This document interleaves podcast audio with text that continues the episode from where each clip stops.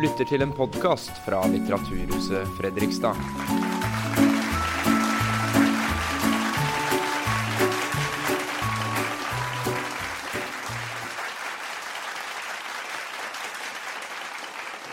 Er alle sammen. Et par minutter på overtid er jeg veldig glad for å ønske velkommen til denne debatten som vi har kalt for Morgendagens Norge. Ideen til debatten plukket jeg opp på Kjetil Rollnes sin Facebook-side, der han skrev en skikkelig debatt om flyktningkrisen mellom Thomas Hylland Eriksen og Terje Tvedt kunne vært interessant. Ideen var så god at jeg kontaktet de to herrene. eh, Og de har heldigvis ikke bare takket ja til å være i Oslo, der de allerede har snakket sammen i en lignende samtale, men er også her i Fredrikstad i dag. Tidligere SU-leder Andreas Halse har påtatt seg jobben med å sørge for at det hele går sømmelig for seg. Jeg heter Merete Lie og er daglig leder her ved Litteraturhuset i Fredrikstad. Spådommene om hvordan flyktningstrømmen vil påvirke Europa, er mange, og de er svært ulike. Noen mener den vil føre til Europas og velferdsstatens undergang. Andre mener den kan bli vår redning fordi vi blir tilført verdifull arbeidskraft. Der noen ser for seg dype verdikonflikter, tror andre på et nytt og spennende samfunn med stort mangfold, men med felles grunnleggende verdier. Er åpne grenser et uttrykk for høy moral fordi vi hjelper mennesker i nød? Eller svikter vi dem som trenger det mest, fordi det er de mest ressurssterke som reiser, mens de som virkelig trenger vår hjelp, blir igjen? Debatten rundt denne type spørsmål er preget av sterk polarisering, ofte med veldig fastlåste posisjoner, der meningsmotstandere gjerne tolkes i aller verste mening. Vi håper ved å møtes til en samtale med Hylland Eriksen og Terje at vi skal kunne bidra til å belyse enkelte av disse spørsmålene. Mannen som introduserte begrepet godhetstyranniet, historiker og professor i statsvitenskap Terje møter mannen mange oppfatter som selve godhetstyrannen. Professor i sosialantropologi Thomas Hylland Eriksen.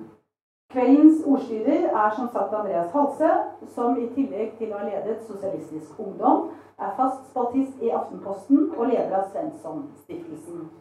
Ta godt imot alle tre.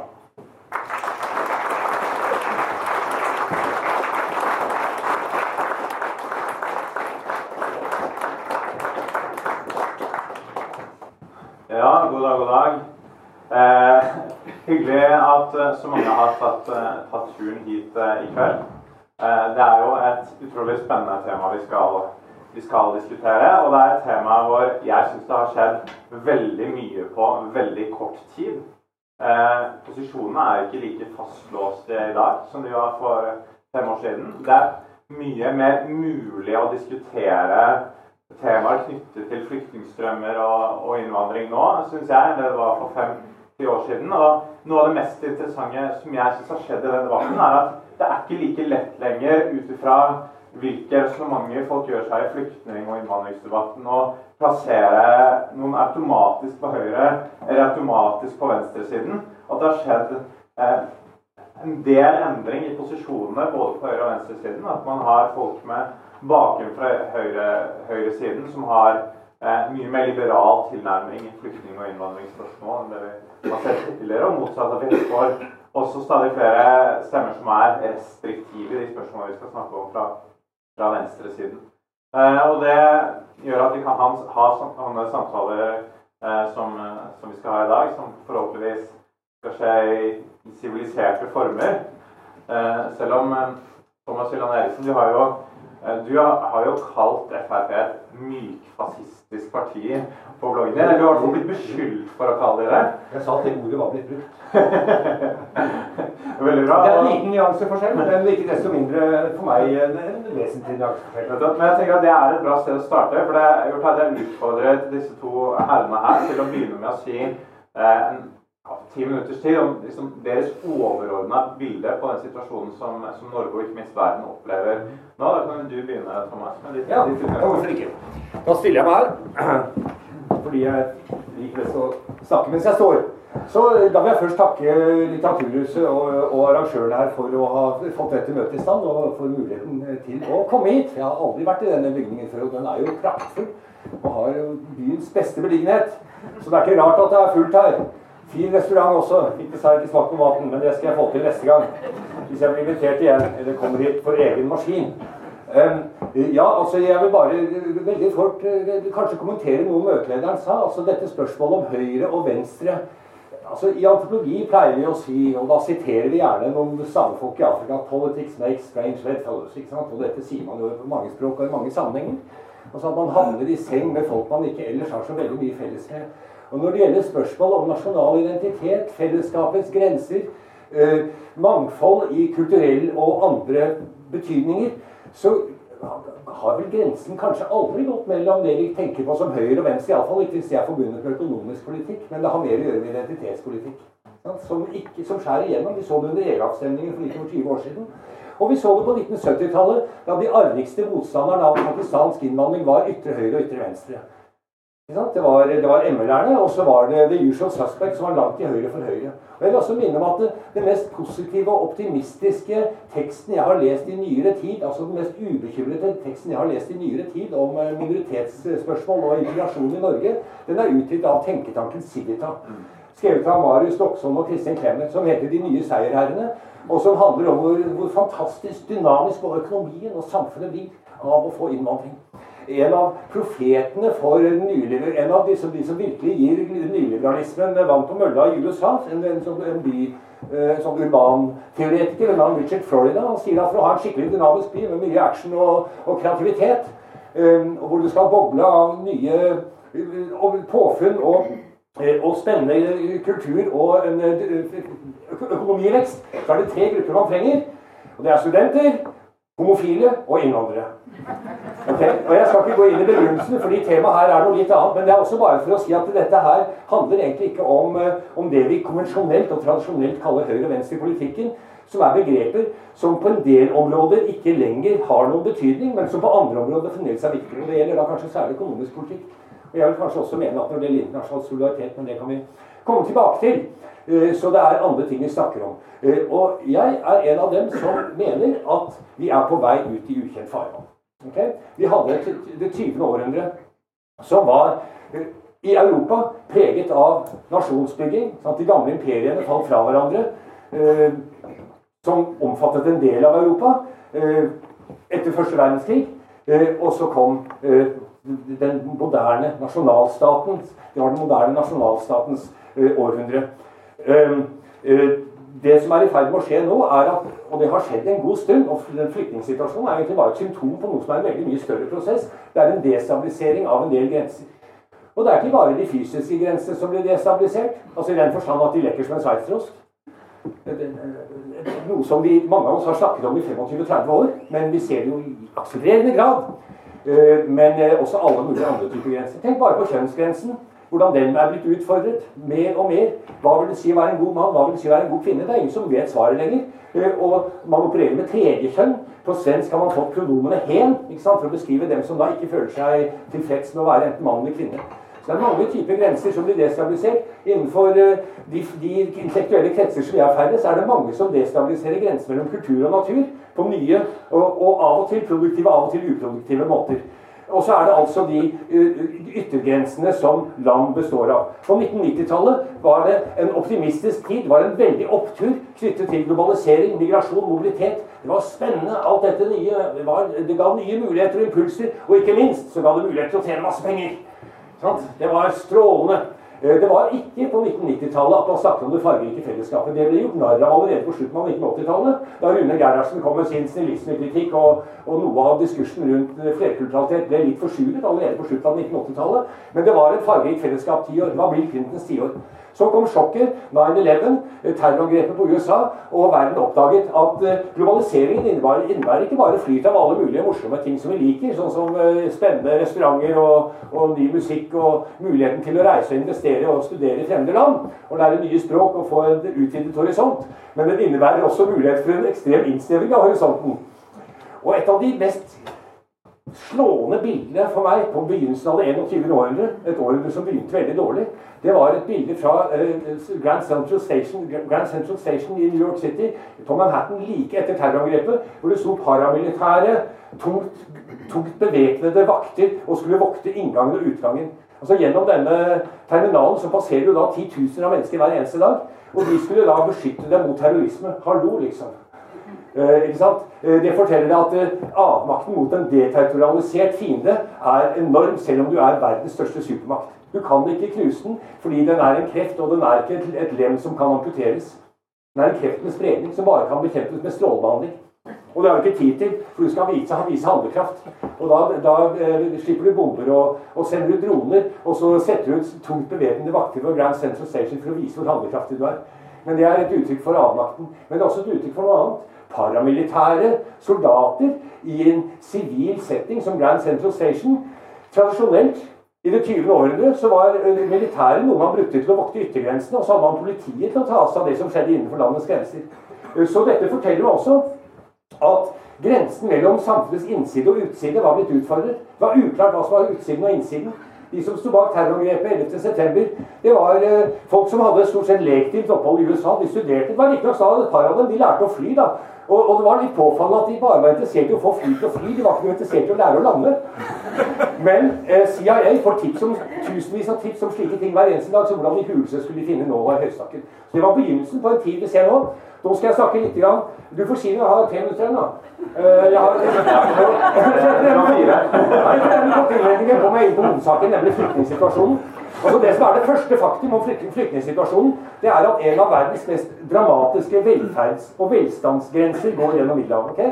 På nordsiden av Middelhavet har vi noen av de mest stabile, uh, lykkelige, uh, politisk velorganiserte samfunn Eh, hvor man har oppnådd en høy grad av personlig frihet, og hvor vi har de mest fantastiske muligheter til å realisere våre liv. Altså Nå snakker jeg i store bokstaver og store ord, og kanskje mest om Skandinavia. Ikke så mye om uh, de i Spania som uh, fremdeles bor hjemme hos foreldrene sine selv om de er over 30 år, men dere skjønner hva jeg mener. Sydsiden av Middelhavet har hatt en enorm befolkningsvekst. Uh, og en økonomisk stagnasjon og en politisk situasjon som ikke akkurat oppmuntrer til den frie tanke og fri organisasjon og, og, og utvikling. Altså I 1960 var Egypt og, og Sør-Korea omtrent på samme nivå økonomisk og med hensyn til befolkning. I mellomtiden altså, gikk ut og tok oss en kaffe, da, så kom vi tilbake etter ca. 50 år. og I mellomtiden hadde Sør-Korea blitt Japan, og, og Egypt hadde tredoblet befolkningen sin uten noen tilsvarende økonomisk utvikling. Så, så, dette her er på en måte noen av, noen av faktaene. Vi kunne godt sagt om andre fakta, men det, altså, jeg skal ikke gjøre det akkurat nå. Kanskje vi kommer inn på noen andre fakta etterpå. Men det er ett Eh, et grunnleggende faktum. Et annet grunnleggende faktum som jeg har lyst til å nevne, siden innvandring også ble nevnt. Flyktningsituasjonen er jo en del av eh, det større bildet med innvandring.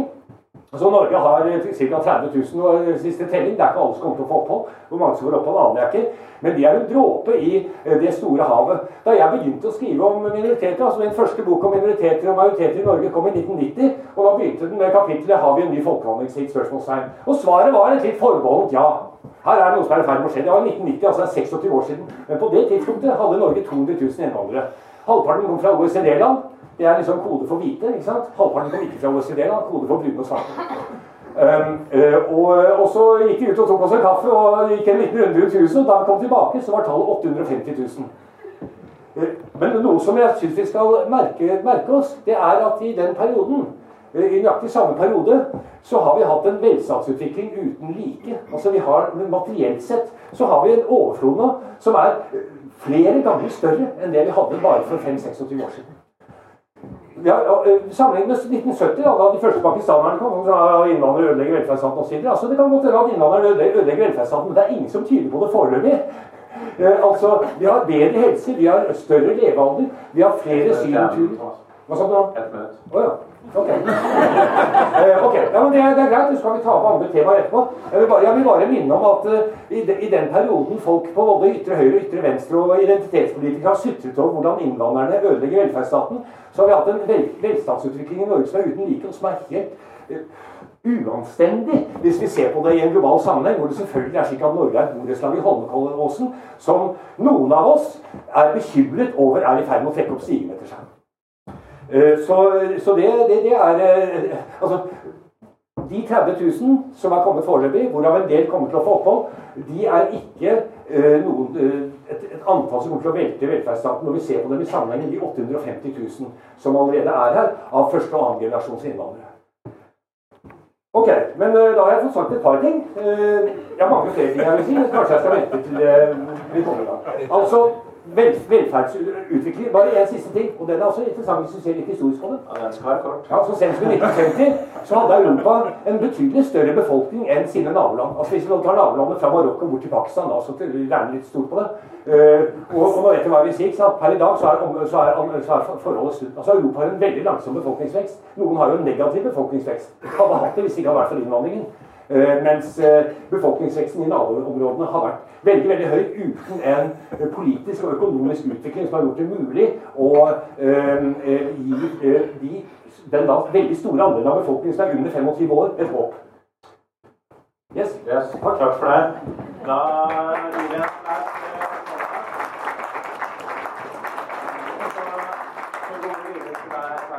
klarer flere ord i minuttet enn Thomas, så blir vi imponert. Så det er klart ferdig går, det vil si? Det kan jeg love at det klarer jeg ikke. Det er noen konkurranser du ikke deltar i frivillig. Eh, det er en av dem.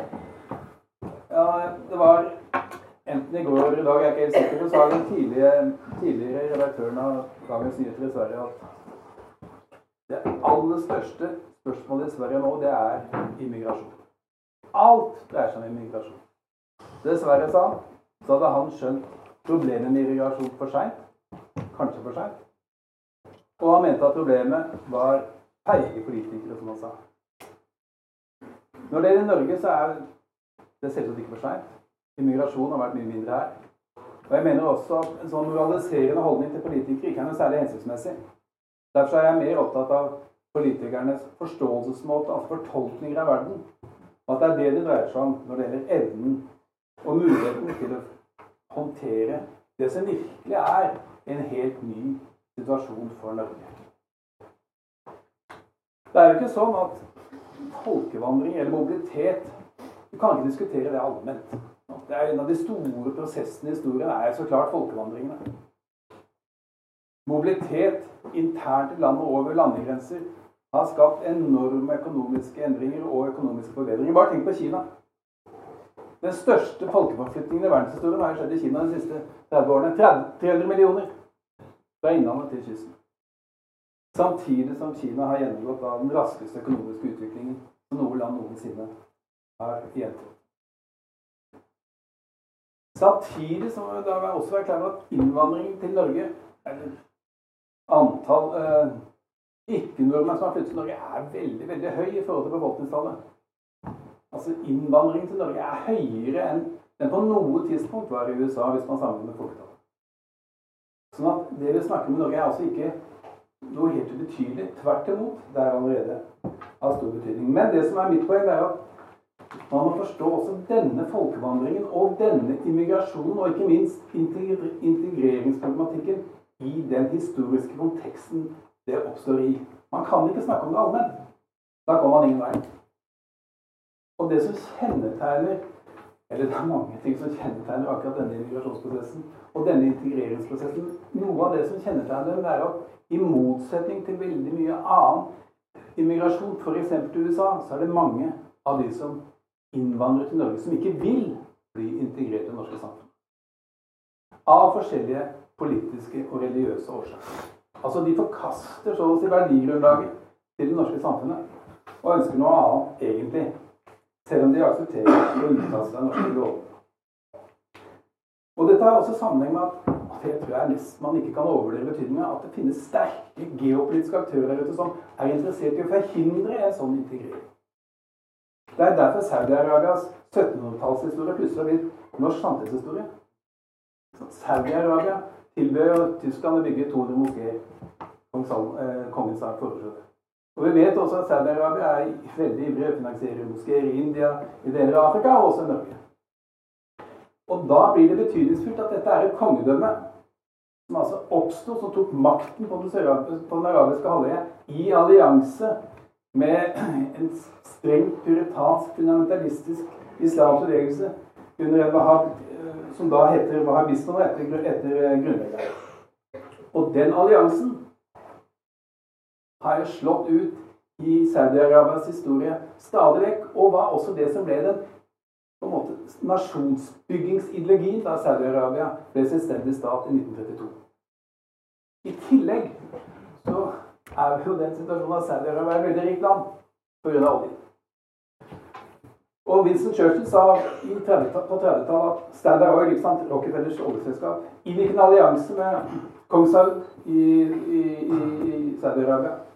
Og da sa Vincent Churchill at dette kommer verden til å endre på. At dette innebærer finansiering av islamsk fundamentalisme. Han fikk rett. Poenget er at Saudi-Arabia har da ikke bare interesse av å spre sin religiøse doktrine, men de deltar også i en kamp om muslimske sjeler i Europa i strid med andre muslimske land, inkludert Tyrkia f.eks. og Iran. Sånn at Europa har blitt et battleground, så å si, i regionale stridigheter mellom ulike makter i Midtøsten, som altså påvirker mulighetene Norge har for å integrere de nyankomne i det norske samfunnet.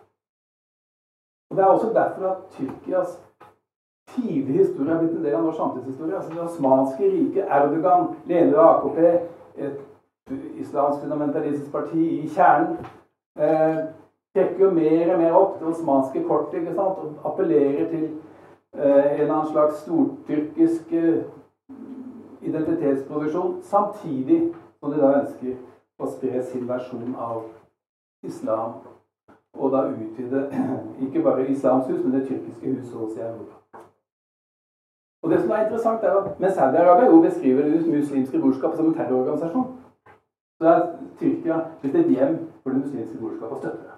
Altså sånne helt essensielle ting som altså påvirker mulighetene for integrering i Norge, og som selvsagt må påvirke hvordan man vurderer og analyserer den mobiliteten, den migrasjonen som foregår i dag. Den er altså ikke ahistorisk, er ikke abstrakt. Man må ta hensyn til hva som faktisk beveger seg i denne folkebehandlingen. Eh, problemet for meg er da altså når man skal diskutere hvordan Norge skal håndtere denne migrasjons-flyktningkrisen Det er også et spørsmål om i hvilken grad har Norge en politisk elite med kompetanse, med forståelse, til å håndtere dette spørsmålet. Og der mener jeg at man ikke kan overvurdere igjen det faktum at denne politiske eliten har vokst frem, har blitt dannet i en periode av norsk historie da man tenkte om verden på en helt spesiell måte. Altså at man fikk sine grunnleggende verdensbilder formet av en helt, helt annen situasjon enn den man nå står overfor. For Hva er det denne politiske eliten grunnleggende sett tenker om verden? Jo, for det første at Utvikling er samfunnets naturtilstand. At alle så å si ønsker utvikling på et eller annet vis, på samme måte som man har i Vesten. Altså at Vesten er på en måte deres fremtid, og at alle lengter etter den samme eh, fremtiden. Det andre er at jeg har denne forestillingen at menneskerettigheten er universell i en helt spesiell forstand, nemlig at alle religioner altså Det er ikke bare at man ønsker å universalisere bestemte måter å tenke om menneskerettighetene på. Eh, alle er for det. Men i Norge så er det en helt spesiell oppfatning av disse menneskerettighetene, og det er at de er i kjernen universelle. Derfor har alle religioner utviklet det samme.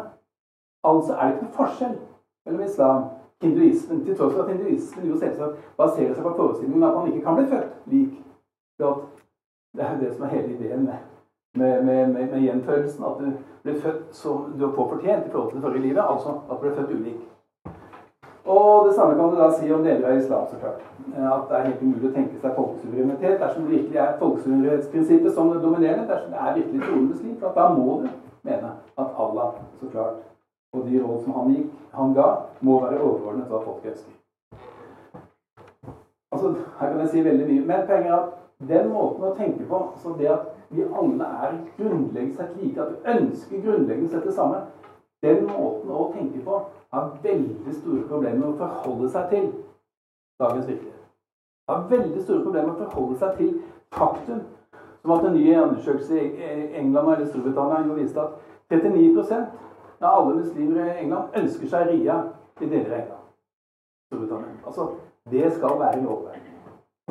At 32 eller sånn ønsker at, man, at, en, at en mann skal være gift enn én kvinne osv. Altså, det er veldig problematisk for denne måten å tenke på å erkjenne at folk faktisk ønsker et helt annet liv, og at de begrunner denne alternative livet på en helt for dem rasjonell måte som de mener da er bedre, mer aktverdig enn den måten vi begrunner våre utviklingsidealer på. Det var da gikk da utrolig fort. Jeg tror jeg snakka altfor sakte.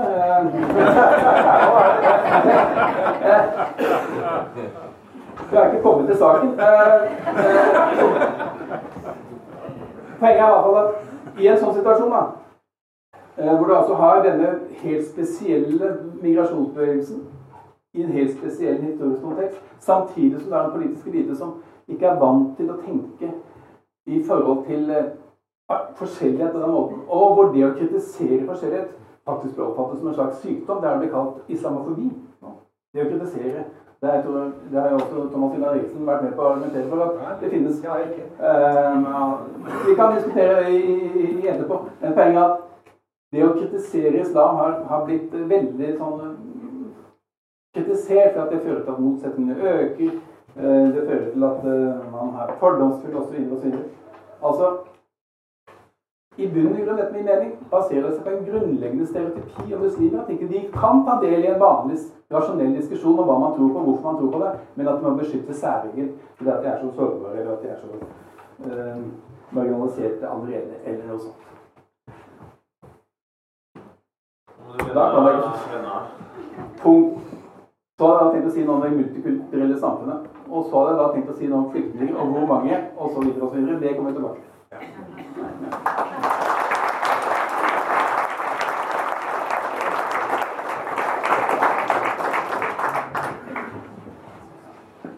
kan jo ta opp tråden litt der du, der du slutter, Terje. Du snakker om dette eh, islamofobi-begrepet. Og en ting jeg syns er interessant med det begrepet, er at hvis du går til den arabiske verden, eh, så fins jo ikke det begrepet.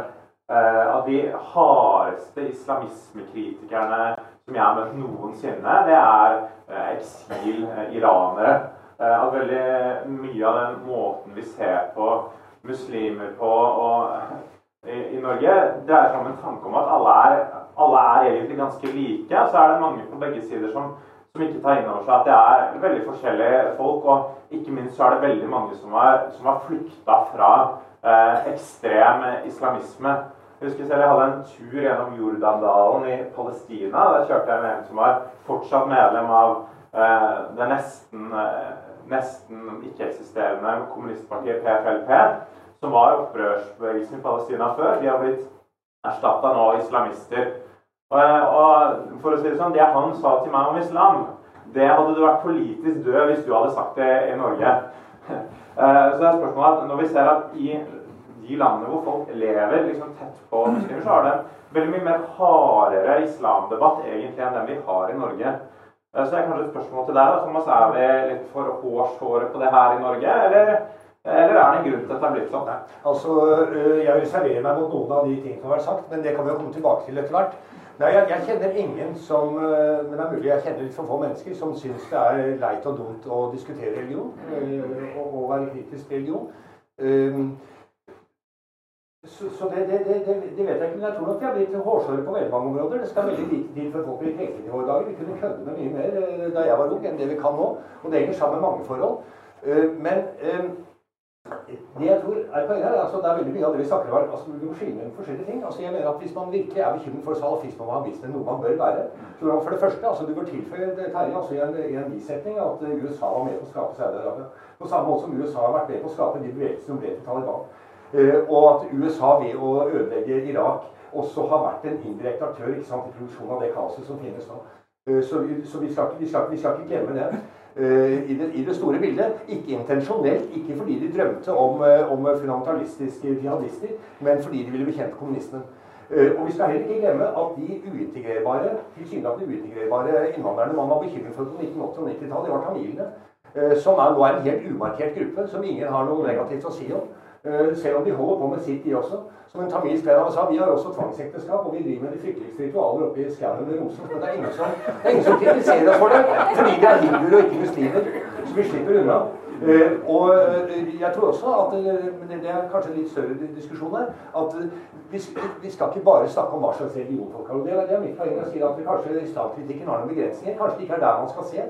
Kanskje man skal se på hvordan folk lever, hvilke drømmer de har, i hvilken grad de ønsker et moderne liv, i stedet for å spørre dem eh, hva slags religion de har. Og Da vil man få litt andre svar. Og det vil være en veldig frigjørende ting for veldig mange norske muslimer om offentligheten gikk klart ut og tok avstand fra Saudi-Arabia på alle mulige måter, og isolerte Saudi-Arabia på den måten enkelte mener at man bør isolere Israel.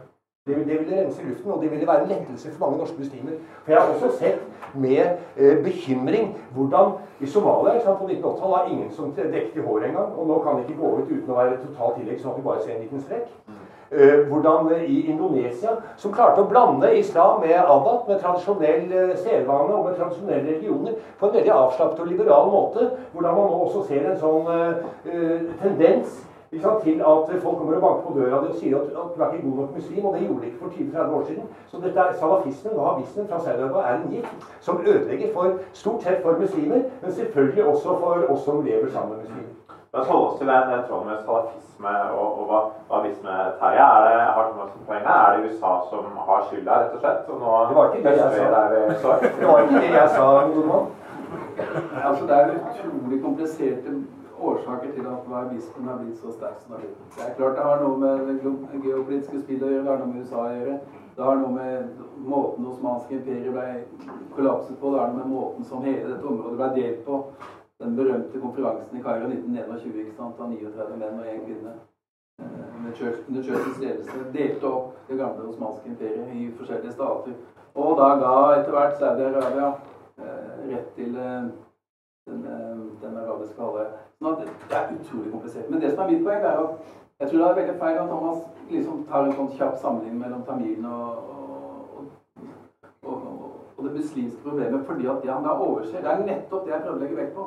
At det finnes så store internasjonale geopolitiske spillere som har en interesse av å opprettholde den måten å tenke på. Det er klart at det er utrolig mange muslimer, det er det du er inne på, som ønsker den måten å praktisere og tenke omkring islam på din pepperen gror.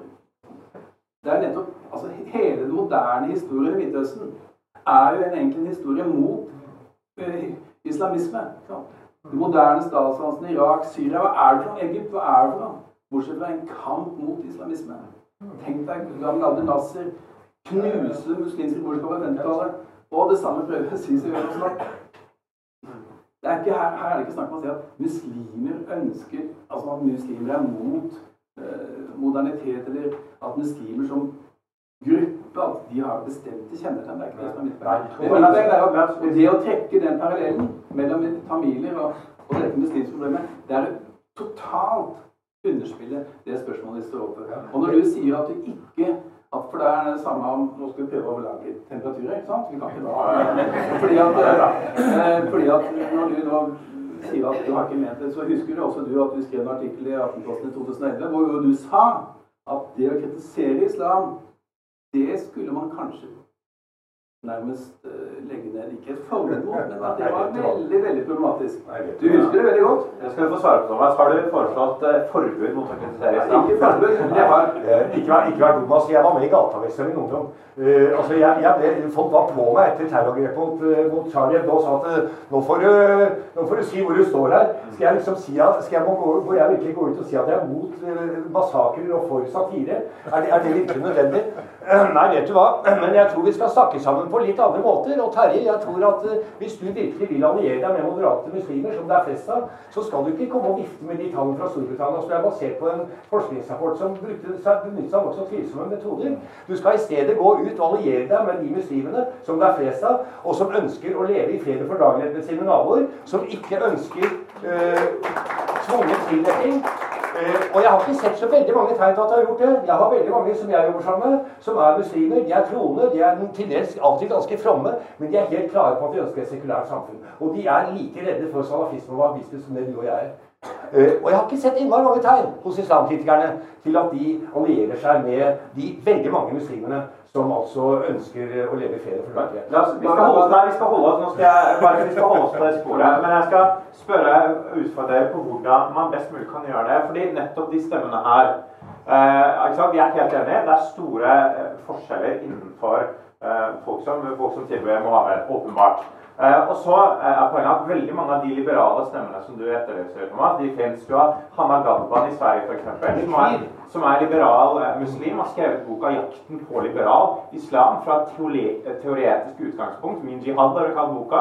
Hvor hun jakter på hva kan være en liberal, liberal islam for vår tid. Og hva er resultatet av det for henne? Hva er resultatet av det for folk som Amal Aden i Norge, som har tatt litt lignende roller? Jo, de blir drapstrua nesten hver dag av gærne salafistiske miljøer. De må gå med trygghetsvakter fra PST. De kan ikke bevege seg fritt. De kan ikke skrive på Facebook hvis noen av de skulle hit og snakke. Jeg har prøvd å invitere f.eks. Hanna Galban til Norge. Det er ikke mulig av sikkerhetsårsaker. Og det er spørsmålet mitt Syns du at storsamfunnet gjør nok for å ta side med de eh, liberale muslimene som vi har i dag? Eller er, blir de på en måte svikta og overlatt til å bli diskriminert både fra majoritet, men også fra sine egne minoriteter? Uh, jeg vet ikke, folk får snakke for seg. altså Storsamfunn er jo et veldig stort begrep i denne sammenhengen. Uh, det er mange Eh, liberale, sekulære muslimske stemmer i norsk offentlighet. og det, Av de fleste, de fleste tror jeg så godt om natten. Altså, siden du nevnte en bok, altså Nastin Khan Østrem skrev en bok omtrent samtidig som Min hellige krig, som dreier seg om hvordan Og hun siterer Hanna Arendt, som sier hvis, Hun er jo ikke spesielt religiøs, Hanna Arendt, ikke sant? men hun er jøde. Hvis noen angriper meg som jøde, må jeg forsvare meg som jøde. Og Nasrin oppdaget at hun var muslim etter 9-11.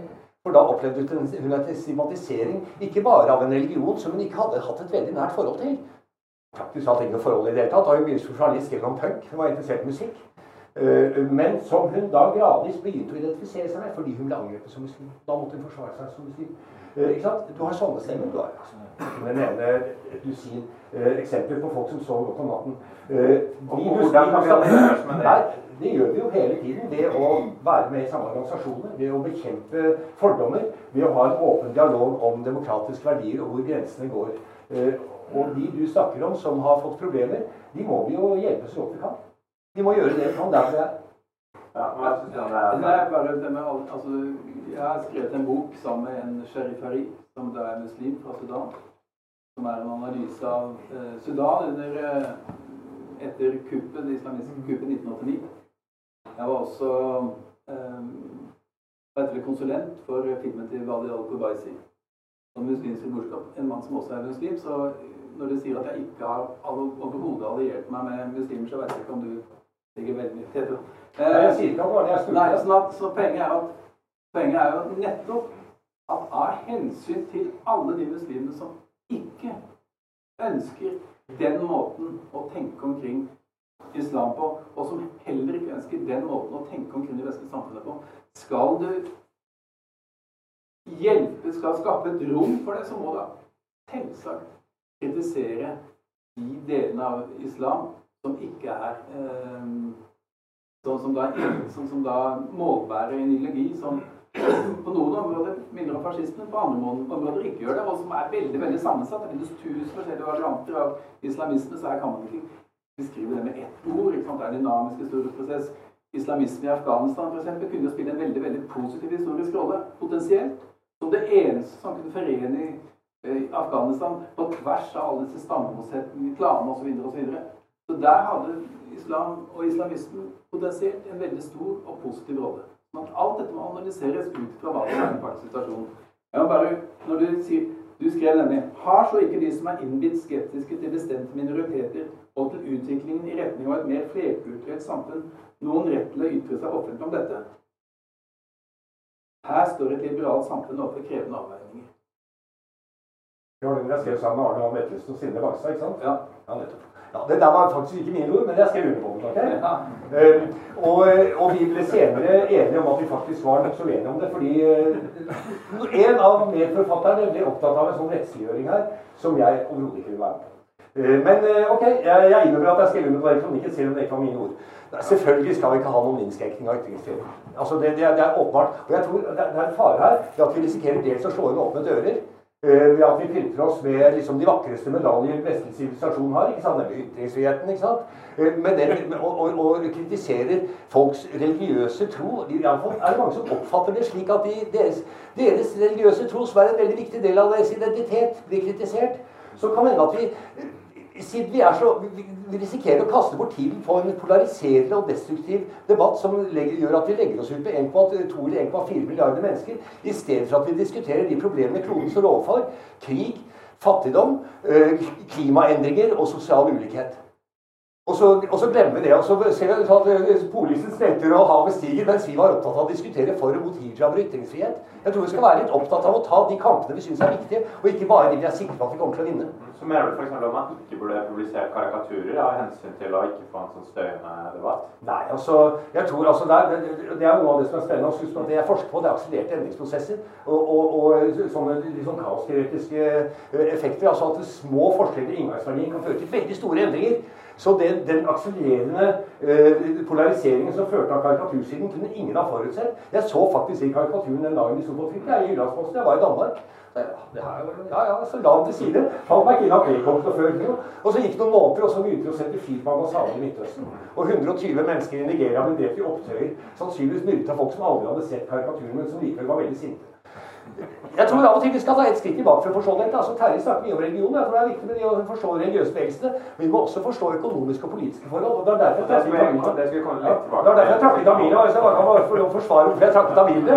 Eh, det var fordi tamilene i Norge altså Dette er dokumentert i en monografi av, av Øyvind Fugle, som er antropolog. 'Life on the Outside'. Jeg tror du kjenner. Uh, som hadde gjort flertall blant familie i Norge. Og de sa jo det samme for dem hvilket land de var i. De skulle bare være et eller annet europeisk land for å sende penger hjem, for å bidra til økonomisk utvikling i hjemlandet, og for å støtte frigjøringskampen på Sri Lanka. Så det, de spilte ikke noen rolle for dem hvilket land de var i. Og etter hvert er det jo blitt generasjonskonflikter blant familier. Fordi de unge ikke skjønner hvorfor de gamle vil sende penger hjem hele tiden. Vi skal straks tilbake til å snakke eh, kroner og øre. Men jeg vil utfordre på en konkret politisk sak. Fordi det her går tror jeg, i kjernen mellom hvilke typer f.eks. muslimske miljøer vi støtter når det kommer religiøst begrunnede krav om f.eks. kjønnsdelt svømmeundervisning. Det kommer flere og flere steder nå. Det fins ingen sentrale retningslinjer. Eh, fylkesmennene har gitt totalt forskjellige avveininger. Eh, jeg husker jeg har vært eh, involvert i sånne politiske prosesser tidligere. Det mange muslimer som jeg kjenner har sagt til meg, som de kanskje ikke hadde turt å si offentlig, det er å si at det vil si, hvis dere gir etter for disse kravene, hvis dere gir etter for kjønnssegregering, eh, hvis dere legger til rette for bønnerom, så må vi også bli kjønnssegregert, selv om vi ikke vil. Da må vi også be, for det blir et sosialt press til å ikke be. Eh, på den annen side så vil folk mene at eh, ja, ja, men det er jo tross alt religion. Kan vi ikke bare gjøre det? Hvem tar skade, skade av det? Og det hjelper tross alt mot kroppspress å ha gutter og jenter for. Hva tenker du om den type avveininger i, i et samfunn som blir mer og mer sekulært? Er det eh, et, et, område vi bør være ettergivende, eller burde man sette foten ned og si at nå trenger vi retningslinjer, og si at, nok, eh, at her skal vi holde eh, jenter og gutter sammen? Jeg vil si at Her lønner det seg å sette foten ned. Men hvorfor er dette spørsmålet om islam så viktig? Ikke, altså jeg er jo ikke noe spesielt opptatt av islam som religion. Jeg er jo ikke muslim. Men hvis man skal prøve å forstå den migrasjonsbevegelsen som foregår, så er det umulig å ikke også bli opptatt av den religionens rolle i integreringsproblematikken. Fordi at det som er poenget, er jo at du har masse urolighet i Midtøsten. Høyst sannsynligvis blir det mer urolighet i Midtøsten fordi at den ordningen som da britene etablerte i 21, den er under øh, ikke oppløsende nødvendigvis, men av Høyst sannsynligvis vil det bli erodert, og det vil bli nye forsøk på statsdannelse. Kurderne vil ikke noe stat etter Versailles-freden, og du har alle disse ulike etniske minoritetene. Det andre er jo at på en måte kan man oppfatte dette som en del av en klimaflyktningbevegelse. fordi at Midtøsten er jo først og fremst kjennetegnet av et område som er uten vann. Altså Jeg kaller det arabiske liga for det tørste forbund. Det er et område som pga. denne vannmangelen får større og større problemer innenfor jordbruket. Og tenk deg et land som Egypt. Det er nå 80 millioner mennesker omtrent. Totalt avhengig av denne elva. Hvor da Etiopia nå bygger en dam i Etiopia som kan få katastrofale konsekvenser for Egypt, Egypts stabilitet, Egypts statsdannelse. Hva skjer? Så det å liksom snakke om familien i samme åndedrag mener jeg er å underkommunisere karakteren av den flyktningsituasjonen vi har. Og at det som skjer, er at det foregår en enorm brain drain fra disse områdene. ikke sant? Det er derfor den afrikanske presidenten er helt fortvila. 300 000 afghanere i sin beste alder forlater landet når de skal bygge det opp. Han har ingen sympati for det, sier han. Fordi at vi kan gi bistand til Afghanistan 1 milliard her, 2 milliarder, 3 milliarder. Men hva er det for noe, da? I forhold til alle disse som bare drar og drar til Europa. Sånn at, sånn at av disse, av disse, av disse så, så, så, så, jeg mener at ja, til de spørsmål her må man sette foten ned. Ikke fordi at det er krav fra muslimer. Det har ingenting med det å gjøre. Men det har rett og slett med å forsvare noen av de politiske institusjonene og ordningene som etter hvert har blitt utviklet i Norge, som man da mener man har vært tjent med. Hvorfor skal man begynne å renonsere på det? Det er jo det som er spørsmålet. Ja, det skal du svare på. Er religiøse argumenter i seg selv grunn nok til å gå bort fra, fra mer tungtliggende hensyn? Altså, nå, nå snakker Terje om veldig mange ting. Jeg skal bare ta for meg tre. Først vil jeg forsvare at jeg nevnte, først vil jeg nevne, forsvare at jeg nevnte tamilene. og Det hadde noe å gjøre med at det, det du nevnte, var forbifarten grupper som ikke ønsker å la seg integrere. Og Jeg vil påpeke at det, det er ikke bare salafister og folk som er redde for moderniteten. Uh, og at tamilene klarte seg veldig fint uten å være integrert. Og at det er litt spennende. Fordi det viser at vi kan ha pluralsamfunn. Vi kan ha folk som da har hodet sitt på Sri Lanka. De er bare opptatt av politikk på Sri Lanka. Sånn var det. Sånn er det selvfølgelig ikke nå. Men det var sånn på 80- og 90-tallet. For de hadde en frigjøringskamp der. Vi visste ingenting om visste ikke hva statsministeren het i Norge. Veldig forskjellig fra pakistanerne. Når de reiser tilbake til Pakistan, så har de bilde av kong på veggen. ikke sant? Fordi eh, de, de har gode minner fra, fra, sin tid i Norge. Så det, det, var, det, var det, var første jeg ville si. Og det andre jeg ville si, er at uh, Salafisme, ja, altså den må bekjempes, og det tror jeg vi skal være enige om. Og det er de aller fleste muslimer i verden også enige om. Men det å på en eller annen måte insinuere at uh, jeg vet ikke om det var det du gjorde, men at syriske flyktninger her har noe med salafisme å gjøre, det er litt sjofelt før man har sett etter. Du, du insinuerte ikke det? Nei. Så da kan syrerne nå komme til være Og mange av dem er jo faktisk kristne. Altså Hvis man er opptatt av religion. Det er jo derfor de flykter. fordi det går ikke an å være kristen lenger i, i, i, Syria sånn som det gjorde da det var jo mer et imperium som var, som var top down. Til ditt spørsmål Nei, altså da har de invitert feil fyr. altså Da skulle jeg invitert en som var tilhenger av alkoholfri julebord og, og sånt. Og jeg er ikke tilhenger av alkoholfri julebord, men jeg syns det er helt utmerket at man har grupper i samfunnet som vil ha alkoholfri og for den del vegetariske julebord hvis de ønsker det. Men de skal ikke komme her og tvinge meg til å ikke drikke og spise gris på julebord. altså. Da må de finne seg et annet julebord. Ja, men da, da, er vi enige om julebord i hvert fall. Vi skal, vi skal ta det fra verdier og til kroner og øre, fordi nå må vi bevege oss litt. Du, eh, du, du åpnet, Thomas, med å snakke om den fantastiske vel, eh, velstandsøkningen man har fått parallelt med massiv migrasjon. Du trenger ikke å eh, forelese om liksom, hva som skyldes hva, eller korrelasjon og kausalitet og den type ting, som du sikkert er bedre på enn meg. men jeg har lyst til å utfordre deg på én ting.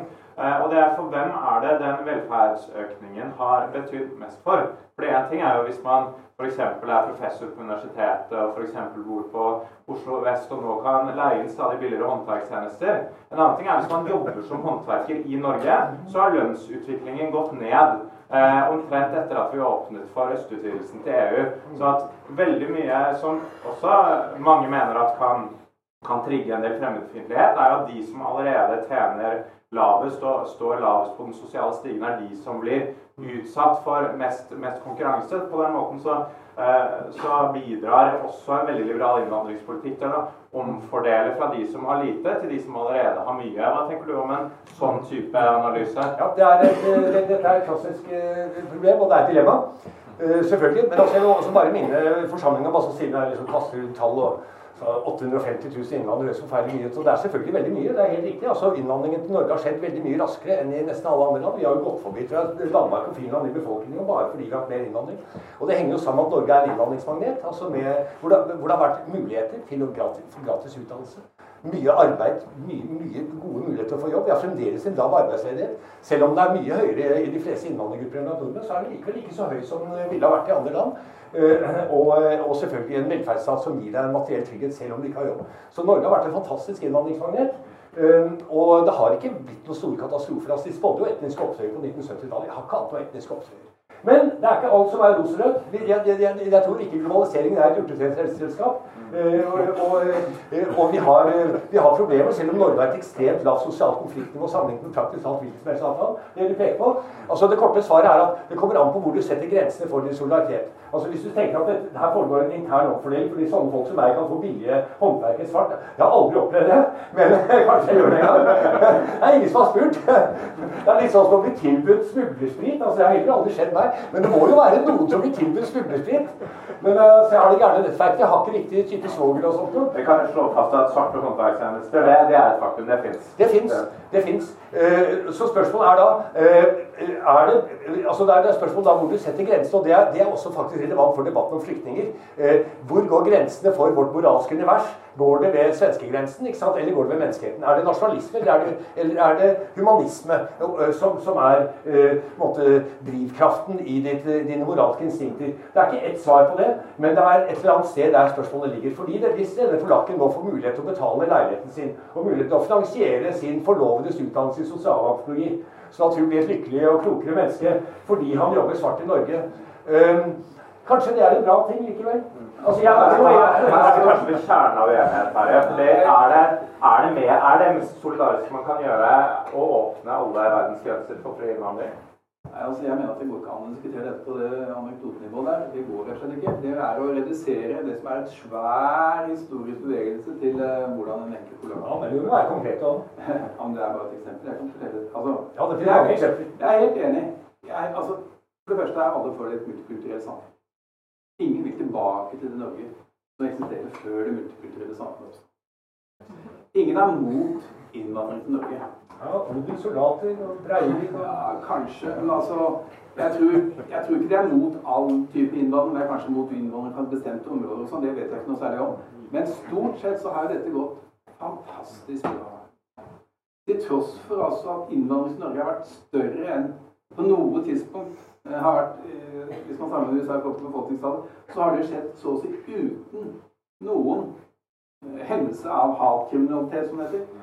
Stort sett, altså Det som har vært mønsteret, er at det har vært den ene lokalsamfunnet etter det andre har gått til aksjon til, folk på, til støtte for folk som har vært her, som egentlig skulle vært sendt ut fordi at de har brutt loven, men som de sier 'vi liker deg så godt, kan ikke de få lov til å bli her'.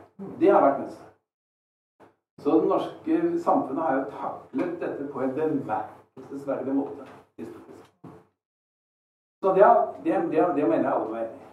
Sånn og jeg tror heller ikke at Kanskje det er tilfellet for noen, men det er jo ikke sånn at det er noen som bare tenker på Norge og ikke på internasjonal solidaritet. Det er kanskje noen, men altså jeg vil, Som jeg prøvde å si med tilfellet Afghanistan, så er det ikke sånn at det finnes én løsning på hva som er internasjonal solidaritet. Eller det å trekke alle hit i forhold til det å støtte dem der. Alt dette er mye mer komplisert. Men når det er sagt, så er det klart at et hvilket som helst samfunn vil ha, og særlig et velferdssamfunn, vil være en ganske unik eh, foreteelse i verden. Det er klart at et sånt samfunn vil ha grenser for hvor mange nye innbyggere som kan komme inn i landet på et bestemt tidspunkt. Altså, det sier seg selv. Og der har man ulike alternativer. Man har George Soros-modell. 1 million hvert år i Europa fram til 2015. Samme mener for øvrig eh, Torbjørn Jagland. 1 milliard, I overkant av 1 million fram til 2050 per år. Er det sustainable, eller er det ikke? Jeg mener at Det er et spørsmål som man rett og slett må svare på hvis man skal håndtere dette på en moralsk måte. Man kan ikke bare si at nei, jeg, jeg tenker kun på å være solidarisk overfor de som kommer hit. Alle som kommer hit, skal tas imot på den best mulige måten. Det kan jeg også si. Men hvor mange? Nei, det er jo en det er jo en tåpelig måte å stille spørsmål på. Det er, det er du og jeg Fordi vi må jo tenke på hva de skal ha her å gjøre. Og det, er, altså det, det som er første tid når det gjelder all innvandring, det er å unngå kreatifisering. Ikke sant? Altså unngå å lære opp folk til å bli sosialkreative. Så, hvis de... Men bare sånn kort, du er enig i at mengde har noe å si? Ja, selvfølgelig har det det. Men du vet hva, antall, hva det antallet er. Det er, politi, det er politisk avgjørelse. Jeg har lyst til å stille deg et spørsmål, siden du er SV-er. Altså, vi, vi, vi, vi, er jo alle mennesker like glad i snyltere. Vi liker ikke snyltere. Eh, spørsmålet er hvem er det som er snylterne? Er det flyktninger som går på trygd, eller er det de som plasserer pengene sine i fiktive selskap hos seg selv? Hvem er, det, som er det største problemet her? Du som er SV-er. Nå er det du som svarer på mine spørsmål. Men okay. det er veldig glad for at det, det som SV og Venstre har gjort på sitt beste, er å være hardest for å forsvare velferdsordningene våre. Det vil si at På sitt beste så er man både mot de som plasserer verdiene sine på seg skjellene, men at man også eh, slår ring rundt velferdsordningene fordi man vet at de trenger straffefunksjoner i et sivilisert samfunn for å slå ring rundt de som faktisk trenger velferdsordningene. Og sånn fungerer jo norsk politikk i dag. Eh, og hvis du er uenig i det, så er det oppsiktsvekkende. jeg, er glad for at du sier det, fordi nå tror jeg vi nærmer oss Vi blir ikke ferdig med denne debatten her. Vi nærmer oss også noen litt større spørsmål. Fordi vi er gjennom det. Norge er et rikt og velorganisert land. Og, og alle som er her, ønsker sikkert å beholde det sånn. Men er det realistisk i det lange løp? Lever ikke vi egentlig i et slavesamfunn, men vi, vi, lever i en tilstand av fornektelse. En ting er nå at vi bidrar til altså med noe sånt som 3% av verdens CO2-utslipp. Men så prøver vi å kjøpe oss avlat ved å be dem å rette blikket i retning av de som planter regnskog i Amazonas i stedet, som vi betaler for. Sånn at vi skal slippe å gjøre noe her. Men en helt annen ting er jo den at vi, vi er jo så totalt integrert i en global økonomi hvor vi lever veldig høyt på barnearbeid, på slav, tilnærmet slavearbeid, også i land som Kina, hvor de spikrer planker fra vinduene for å unngå at arbeiderne skal gå altfor mye selvmord. Og hva burde vi gjøre med det? Du, altså, Jeg sier ikke hva vi bør gjøre, men jeg sier bare at en implikasjon er dette. Av dette er kanskje at vi bør kanskje slutte å tenke på Norge som et eh, land med veldig tydelige grenser. Jeg begynte mitt lille innlegg her nå i kveld å si at vi opplever en destabilisering av grenser. Og jeg tror ikke det er noen vei tilbake til en total restabilisering uten at det kommer til å bli nokså ubehagelig, og at historien kommer til å dømme oss ganske hardt for det. Det var de som trakk opp stigen etter seg. Det vil de da si om oss. Da skal du få si noe avsluttende ord.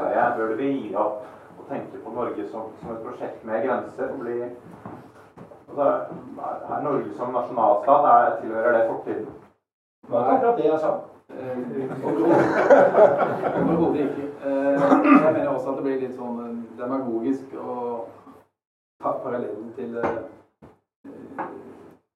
rike folk som snyter på skatten. Det er klart at det er et problem, det òg. Men det er ikke det vi diskuterer her. Hvis man er opptatt av å finansiere velferdsstaten, er det høy grad relevant? Absolutt. Det er utrolig mange spørsmål som er relevante for å diskutere velferdsstaten. Altså, du kan ha en lang liste herfra til himmelen. så det kan, Du kan nevne det eksempelet, kan nevne det eksempelet. Men det er ikke det vi snakker om nå. Nå snakker vi altså om hva kan denne, dette landet klare når det gjelder immigrasjon, av hensyn til de som kommer hit, og av de som bor her. Det må jo være et helt rimelig spørsmål å stille.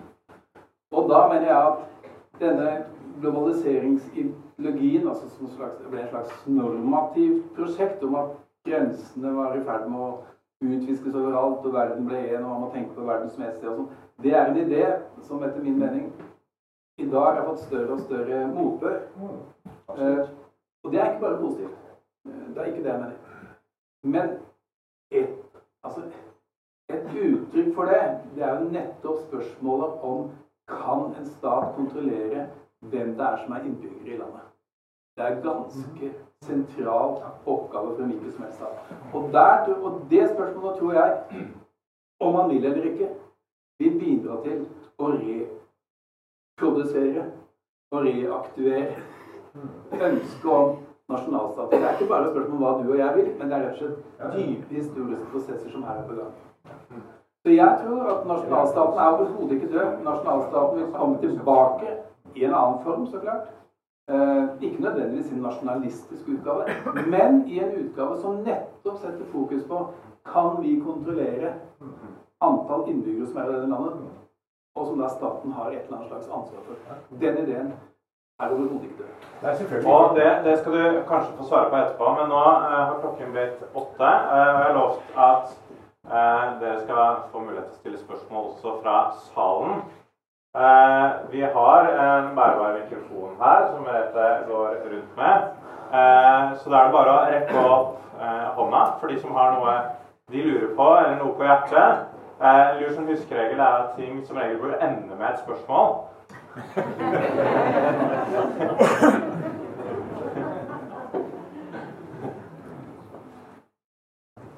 Er du enig i dette resonnementet? er en populær variant. Jeg heter Vigdis Svedstad. Jeg er eh, folkerettsjurist.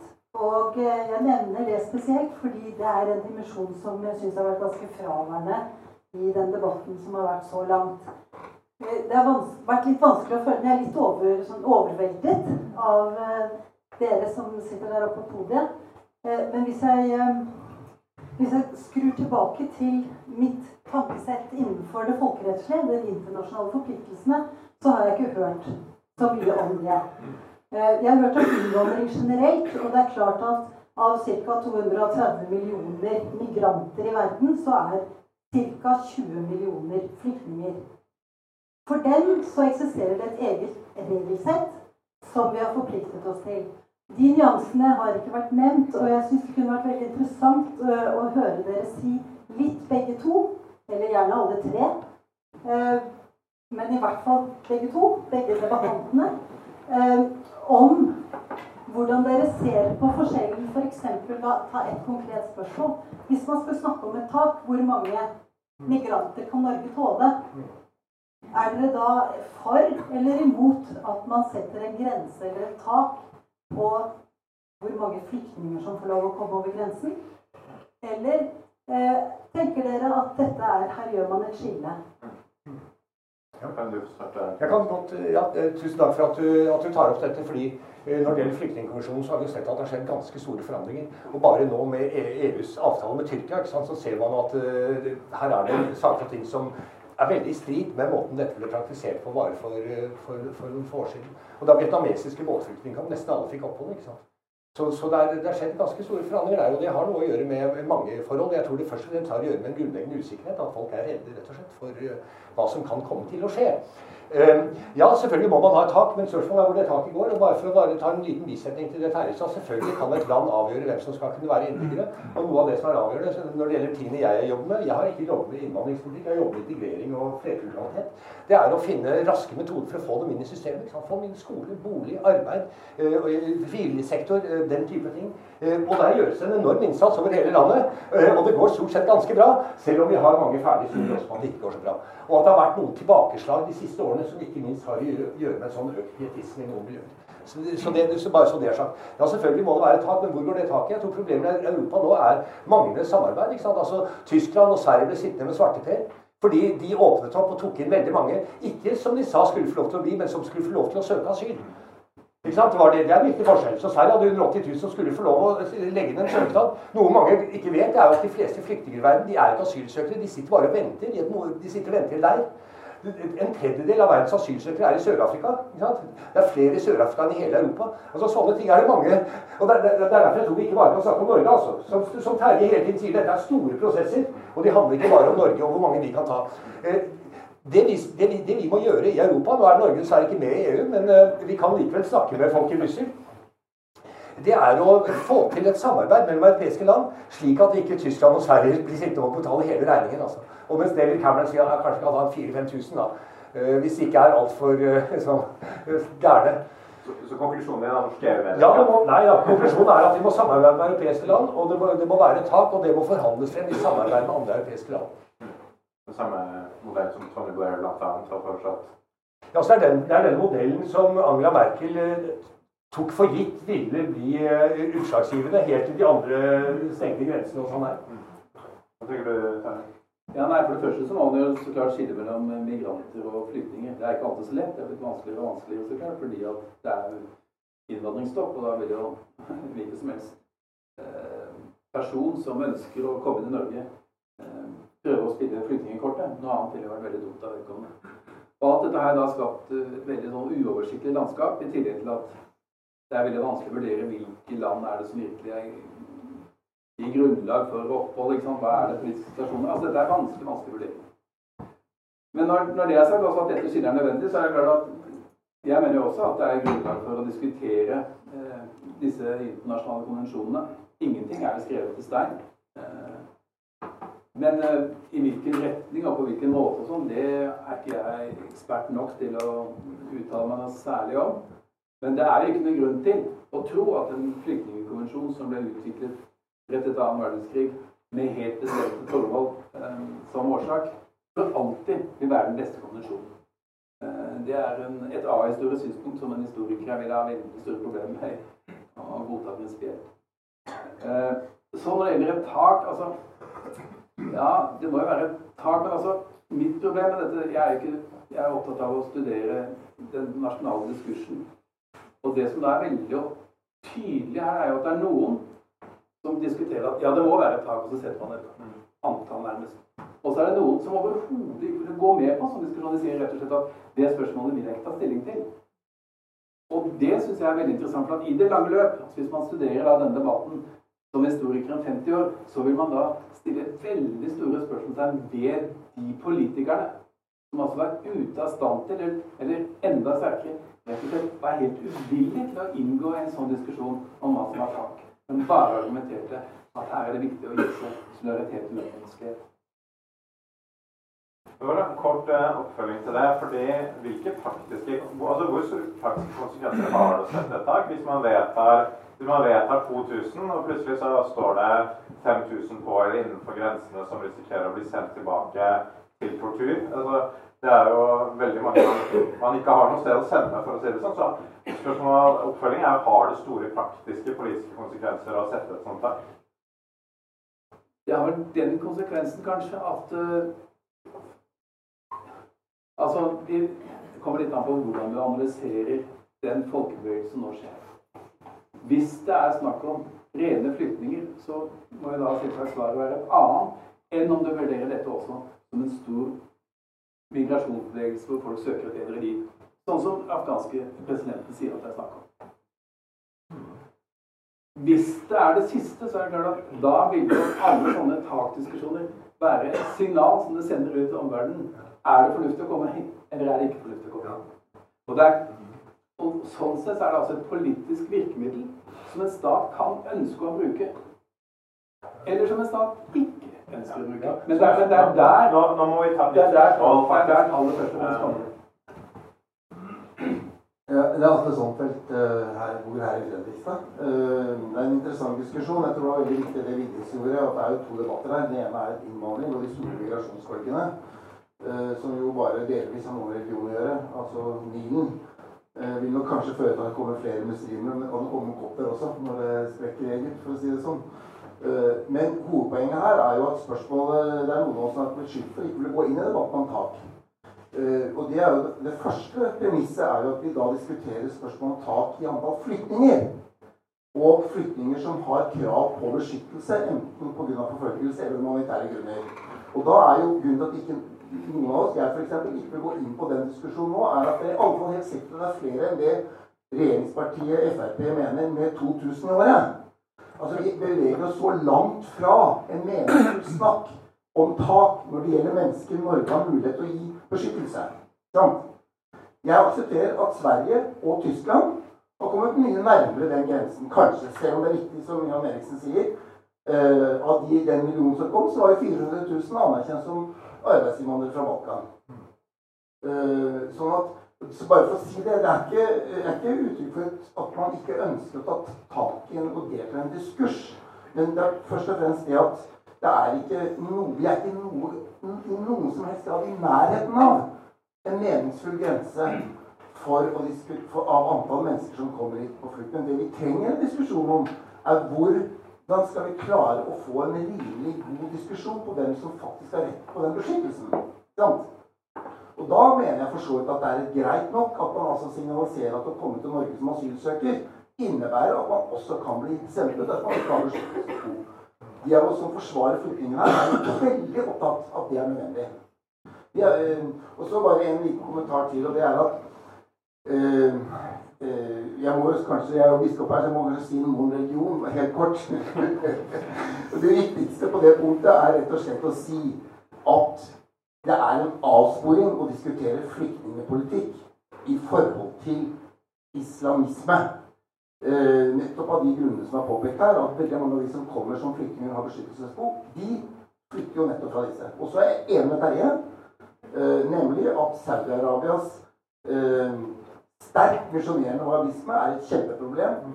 I grunnen, ikke minst i regionen. Så det er jo, og, den, og det tenker jeg det er viktig at flere gjør oppmerksom på. Og de muslimske nordmennene er jo de som sier det sterkest. Ja.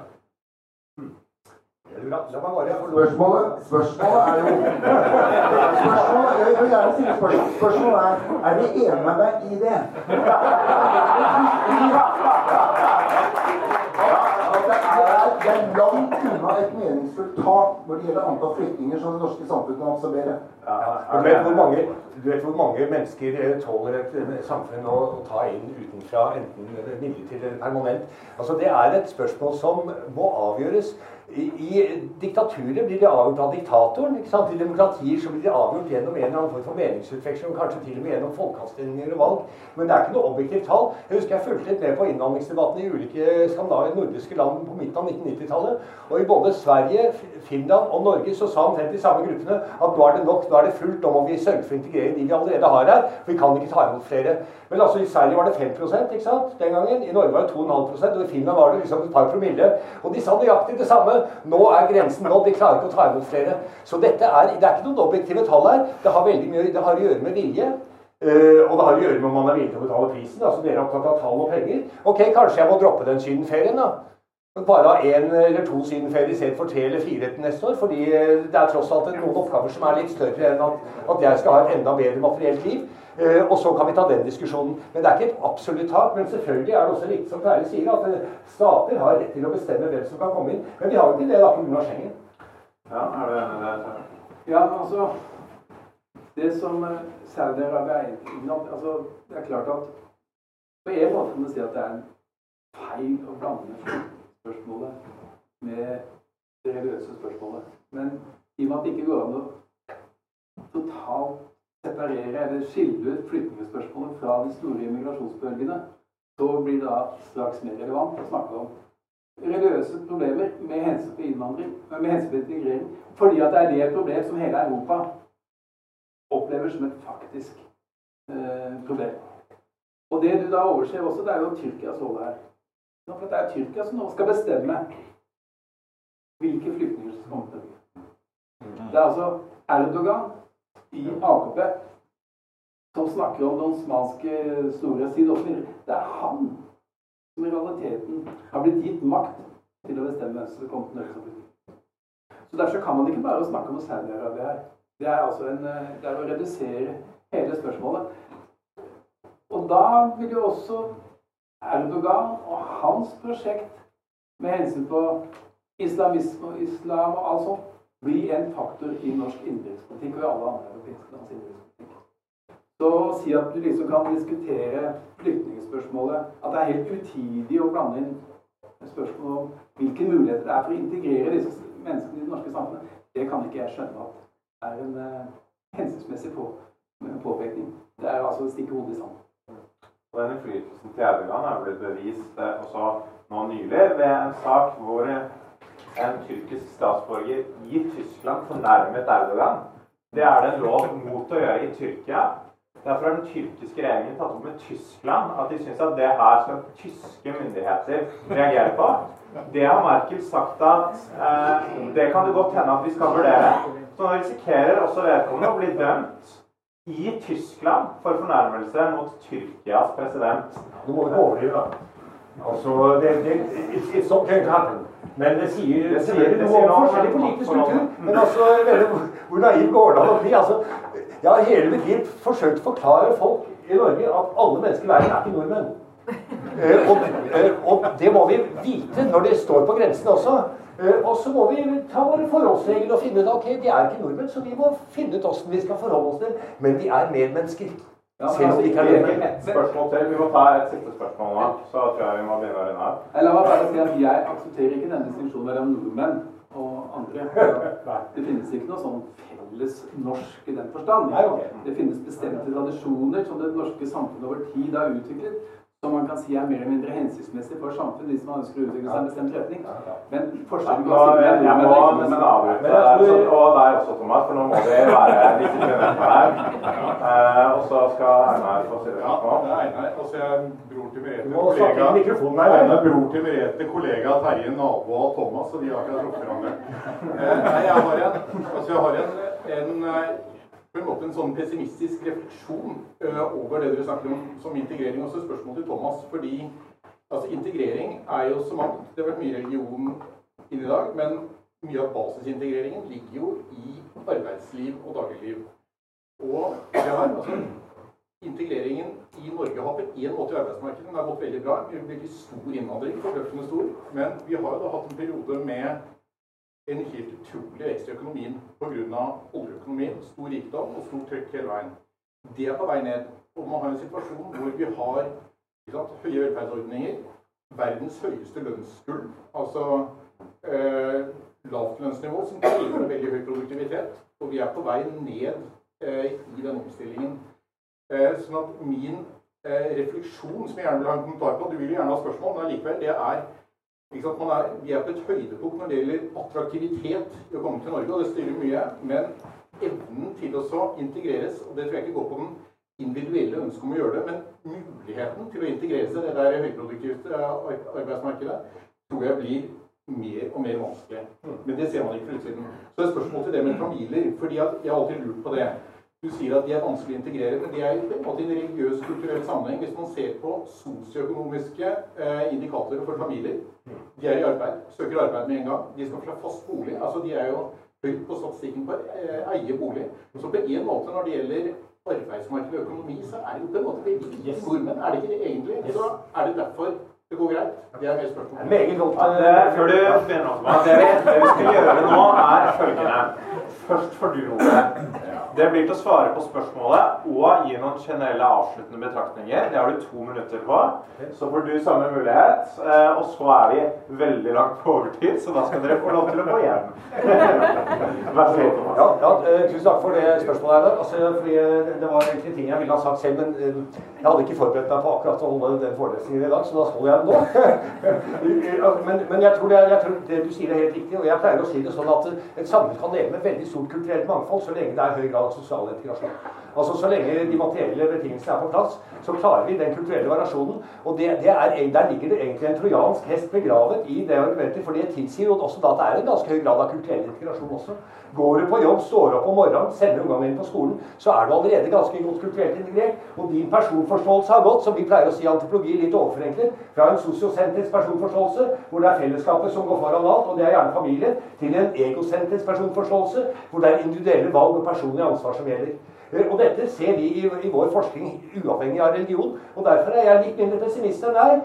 Eh, det er én grunn til at jeg er litt mindre pessimist. og det er fordi vi ser, altså Jeg har eh, drevet forskningsprosjekter i, Øst, i Oslo øst veldig lenge. Og vi ser en helt klar endring fra første til annen generasjon uavhengig av religion. Det er hinduer og muslimer og kristne vi ser på, som skifter altså fra å være veldig i familiens favn og lytte til patriarken og, og, og, opptatt av lojalitetsverdier og den type ting, til å bli opptatt av selvstendighetsverdier og, og, frie valg og individualitet. Og Det ser vi, der ser vi en helt klar overgang fra første annen generasjon. Det vi risikerer, som du snakker om, og jeg lurer på jeg skal avslutte med å si litt om det, for det tror jeg er ganske viktig, det er en, en høy grad av sammenfall kan du si, mellom sosial ekskludering og etnisitet. ikke sant? Altså at vi får uh, etniske minoriteter som er sosialt inkludert, ekskludert, som i forstedene i Paris, hvor det var opptøyer for ti år siden som aldri har hatt en jobb, som ikke har kjent, egentlig aldri har kjent noen som har hatt en fast jobb. Uh, og som havner på galeien enten som gangstere eller fundamentalister. Altså, det er jo, et skrekkscenario. Alternativet, men det er neste møte, uh, det er en grønn økonomi. Hvor vi må jobbe mer fordi vi skal bruke mindre olje og, og, gass. Og hvor det vil bli mer arbeid til alle, men hvor vi må belage oss på å spise litt mindre argentinsk biff og dra litt sjeldnere til Thailand. Yes, det var en avsluttende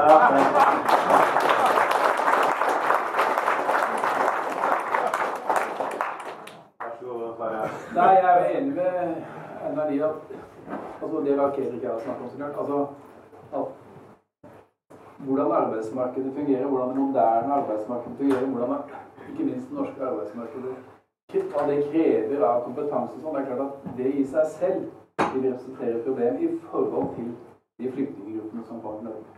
Pga. deres kompetansenivå deres utdannelsesnivå osv., deres mangel på språkkompetanse f.eks., vil jo selvsagt være en hemsko i lang tid for hvordan de kan bli integrert i norsk arbeidsmarked. I tillegg så kommer da selvsagt det som du har vært inne på, at eh, du har Venstre et forslag ikke sant, om at man, måten man skal integrere dem på, det er at de skal få lavere lønn osv., osv., noe som jo selvsagt er en måte å undergrave eh, fagforeningens historiske eh, rolle i det norske samfunnet på. Eh, sånn at det er da også eh, altså, det er ikke bare spørsmål om å kutte en tur til Thailand i ferie, men det er snakk om hvilken effekt har dette på samfunnets strukturer. Eh, så man må tenke igjen Ikke så mye på individ, men mer på systemnivå. Så jeg tror ja, det er et problem, så klart. Og det må da ses i sammenheng med alle disse kulturelle og religiøse faktorene. Og noen ganger så spiller det på lag. Andre ganger, som det tamilske eksempelet, så spiller det ikke på lag. Altså, Det var fullt ut mulig for tamilene. Altså, de har jo jobbet voldsomt for, i, den, i fiskeindustrien i Finnmark f.eks. Uansett om det først og fremst har jobbet eller ikke minst har jobbet for å sende penger tilbake til tamilene. Ja, men uten muslimene stopper Oslo. Ja, Men poenget er at men poenget er altså i, i, i, det å integrere stort antall mennesker i en økonomi som Norge, med de velferdsordningene som vi har, har selvsagt helt skaper selvsagt helt bestemte problemer. Og når da denne immigrasjonen skjer samtidig med at vi har disse geopolitiske strømningene som jeg prøvde å si noe om innledningsvis, så vil altså spørsmålet om integrering fortsette å være et av de helt store spørsmålene i norsk samtid.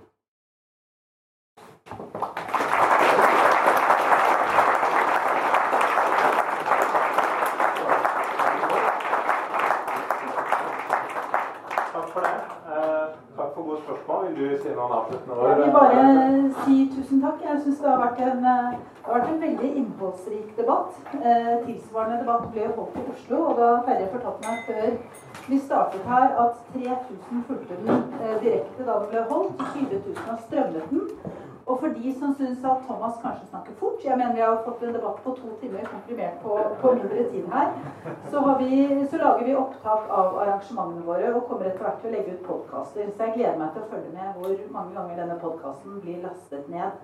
Eh, og før jeg slipper dere helt, når det er mange her, har jeg lyst til å si ta med programmet vårt. Neste onsdag kommer Gisken Arman og holder Gina Krogs gamle tale om, eh, om kvinners krav til allmenn stemmerett. Gard Eidsvoll kommer litt senere og som holder talen Jens Bjørneboe ikke holdt da han ble anklaget for blasfemi. Vi skal gå tett på det amerikanske valget før sommeren kommer. Vi skal ha allsang på takterrassen, og vi skal lese handlet for barn. Og du verden hva vi skal gjøre. Så ta med et program, og hjertelig tusen takk til de tre herrene. Og hjertelig tusen takk for at dere kom.